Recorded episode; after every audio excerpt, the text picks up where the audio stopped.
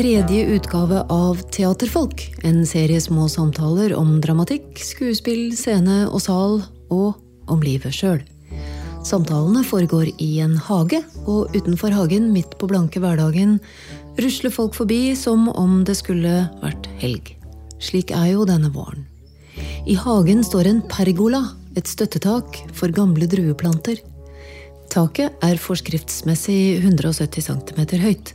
Det er 26 cm lavere enn Torleif Linhave Bamble, Teater Innlandets nye teatersjef. Her er han, en sammenbrettet dansk teaterkjempe som godt kan tale sitt morsmål. Ja, det kan jeg. Det er ikke noe problem. det blir liksom mer, det blir litt mer sånn internasjonalt teater. jeg, altså, jeg, jeg, en av grunnene til at jeg dro til Danmark for å studere, var jo fordi at jeg ville prøve å være dansk i voksen alder. Men jeg opplevde jo at jeg var norsk. Jeg har alltid hatt et veldig sånn romantisk, sånn litt sånn eh, misforstått patriotisk forhold til det å være dansk. Jeg, vi var jo i Danmark på alle sommerferier, påskeferie og høstferie og sånn. Og så klart, er det landskamper og sånne teite ting, så heier jeg jo på Danmark. Men jeg, hadde, jeg har jo ikke noe forhold til det å være dansk. Jeg flytta ut da jeg var fem. Så det var et sånt forsøk, og da opplevde jeg jo veldig at jeg var blitt norsk. Det der med å bo i København. altså Jeg elsker byen, men aldri se horisont se altså at det er et landskap. Det er det jo ikke i København. Det er bare flatt. Og så merker jeg jo at alle mine referanser er norske. Timing, humor, språk. ikke sant? Alt hvor, der opplevde jeg for første gang hvor ufattelig mye som ligger, identitet som ligger i språk. Det har jeg aldri tenkt på før, før jeg dro til Frankrike og skremte masteren min.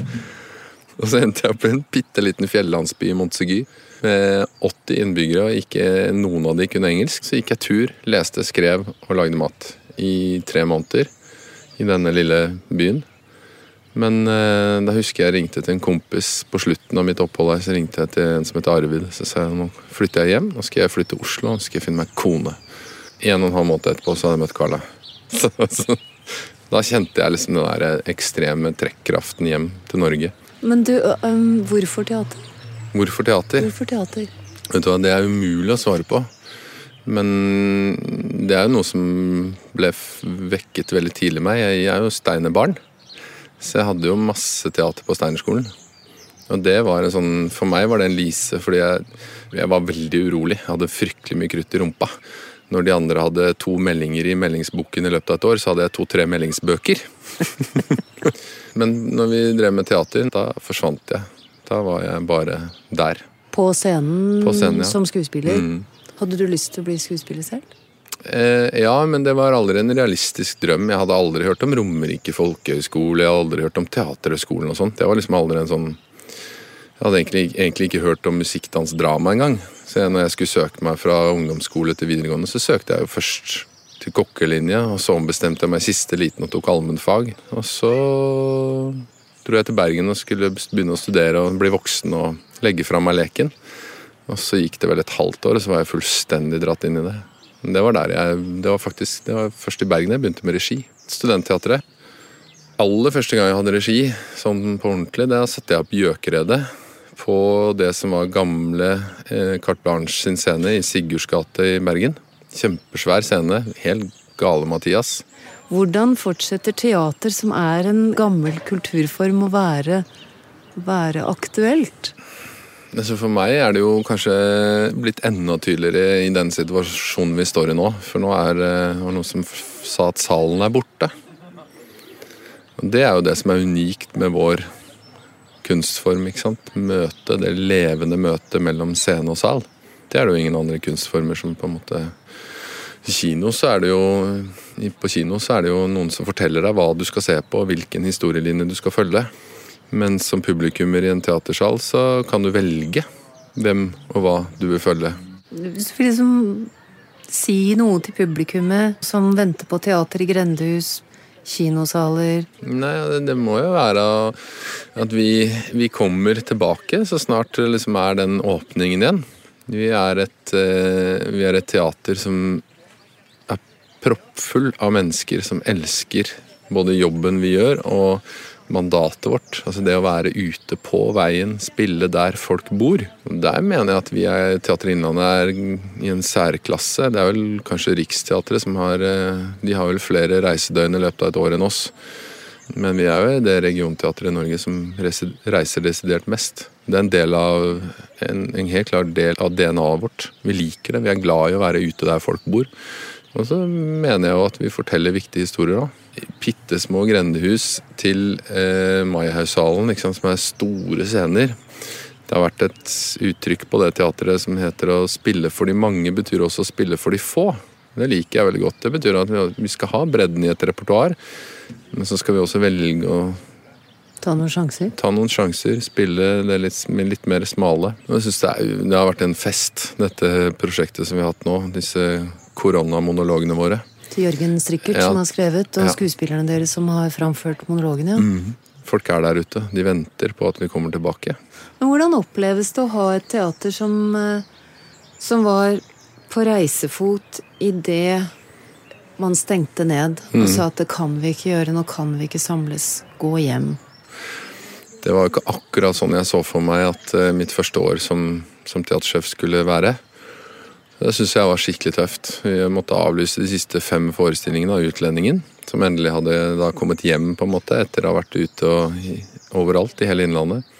Det er jo helt umulig, men, det, men jeg er jo veldig nysgjerrig på den tida etter denne pandemien. Mm. Altså jeg kan godt gå ut jeg kan, kan stå litt sånn på to forskjellige bein i det. Kommer litt an på hvilket tidspunkt du spør meg på. Men jeg syns jo altså Historien forteller jo oss at etter sånne store kriser som dette, som også skaper store økonomiske utfordringer, som fremhever og styrker eh, forskjellen mellom folk, altså mellom rik og fattig, hvem er det som kommer ut sterkere på andre siden av dette? Så har vi jo historien fortalt oss at vi ofte ender opp i store konflikter.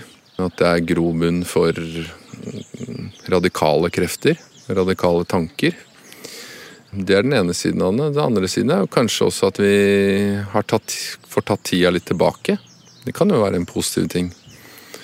At man stopper opp og får en slags reality check på hva som er viktig i et samfunn. Det er ikke en som eh, som en, en, i disse monologene våre, koronamonologene sier, det er jo Kan du ha hjemmekontor, så er du kanskje ikke like viktig på en måte. Jeg tror det er litt sånn godt for oss, oss mennesker å liksom bli påminnet på at vi ikke er så viktige alltid også. Vi kan være litt små, litt ubetydelige. Um, og så håper jeg jo på at, eh, at vi som at vi kan, altså Det er gleden av å samles igjen. Din tidligere kollega, eh, hva heter han, Beranek? Espen Beranek. Ja, han hadde en veldig fin video på internett som skiller mellom dette med kultur og åndsliv og kunst. Når er det noe er kultur, og når er det noe blir kunst? Kultur kan løfte deg opp, og så kan det sette deg ned der hvor du var. Mens kunst kan løfte deg opp, og så kan det sette deg ned et helt annet sted. Og det savner jeg jo, da. Altså kunst. Tilgang til opplevelse, altså kunstopplevelser i fellesskap med andre. Har du et sånt et drømmestykke? Jeg, jeg har lyst til å sette opp selv et stykke som jeg satte opp i 2010 på DNS, som heter Om døden. Det er en, en britisk eh, autør som har gjort en slags dramatisering av en nydelig dagbok som er skrevet av en fransk psykolog. Som heter, på norsk heter boken 'Døden er'. Eh, hvor hun var en pioner innenfor eh, palliativ pleie, eh, hospicer, på ja, tidlig 80-tallet. Hun fulgte Var det ikke Francois Mitterrand han het, i døden? Som er en nydelig tekst om det som kan oppstå i de øyeblikkene der hvor det ikke fins noe etter. Hvor det bare fins før og nå. Du har jo ikke bodd på Hamar før du flytta opp dit eh, Nei. nå. Hvordan syns du det er, da? Jeg trives veldig godt, jeg. Jeg hadde jo et forhold til Hamar før det. Jeg er jo gammel hockeyspiller. Du er jo en ganske høy hockeyspiller. ja. Har du fryktet? På et tidspunkt, jeg husker når vi var sisteårsgutt, så var det sånn, da fikk jeg litt beskjed om at jeg måtte litt, eh, holde litt igjen i taklingene, for jeg var så mye større enn mine jevnaldrende spillere. Men det gjorde jeg ikke. Du kan gå baklengs på skøyter? Ja. Jeg kan svinge baklengs også. Det er veldig gøy. Det er kjempegøy. Så nei, jeg hadde et forhold til Hamar før jeg dro dit. Og så fant jeg meg et hus, og så var det en altså Nesten en sånn litt sånn magisk timing. Fordi Juno, min datter, var jo da ferdig på, i barnehagen til sommeren i fjor. Og jeg hadde da bodd eh, fire år i en leilighet som jeg jo delte med min avdøde kone. Så er det jo lite som er så fint som Mjøsa en blank forsommerdag, altså. Ja, det er en, jeg er glad i Mjøsa. Eh, og jeg er veldig glad i at det er vann der. Det merker jeg at jeg har bodd i Oslo-Bergen. Altså, og det der å være en kystby. Men jeg tror kanskje noe av det som jeg setter aller mest pris på med Hamar og Hedmark eller Innlandet, det er den herre å skynde seg langsomt-mentaliteten. De, det er det som er fascinerende. De får ting gjort, men samtidig så har de ikke dette liksom påtatt storbystresset. Hører du sjelden at folk sier at det kan ikke er for travel, ha for mye å gjøre og sånn? Er det mindre av det? Ja, det er mye mindre av det. Det er mye mer sånn det ordner seg. Det ordner seg. Og det liker du? Ja, jeg liker det veldig godt. Jeg liker å kunne gå gjennom byen og, og ikke på en måte bli rent ned av folk. Det liker jeg også veldig godt. Og så liker jeg jo den utrolige nærheten til naturen. Skog, Mjøsa. Altså den, og det å sitte og se langt utover det vanvittig flotte kulturlandskapet ute på Nes. Sånne ting. Og så har jeg havnet på et hus med uh, Og dette er ikke for å liksom innsmigre meg med mine egne, men det er virkelig helt ufattelig fine folk. Altså det er jo sånn Fra dag én så jeg følt meg trygg. Og det er veldig rart, fordi jo eldre jeg blir, jo reddere er jeg blitt for at noen skal gjennomskue at jeg ikke kan noen ting. Tenker du Carla hadde sagt da, til at du ble teatersjef? Jeg tror hun hadde vært råstolt. Hun hadde vært kjempestolt. Hun opplevde også at jeg var en slags sånn Et slags Hva skal man kalle det? Faglig vakuum. Av at jeg flytta tilbake til Oslo. Jeg hadde hele mitt teaternettverk i Bergen. Vi ble foreldre, hun ble syk. ikke sant? Altså, jeg var jo ute av manesjen i mange år og fant ikke min plass. Jobbet jo med andre ting. Så det, nei, jeg tror hun hadde vært superstolt. Eller jeg vet at hun er kjempestolt. Mm.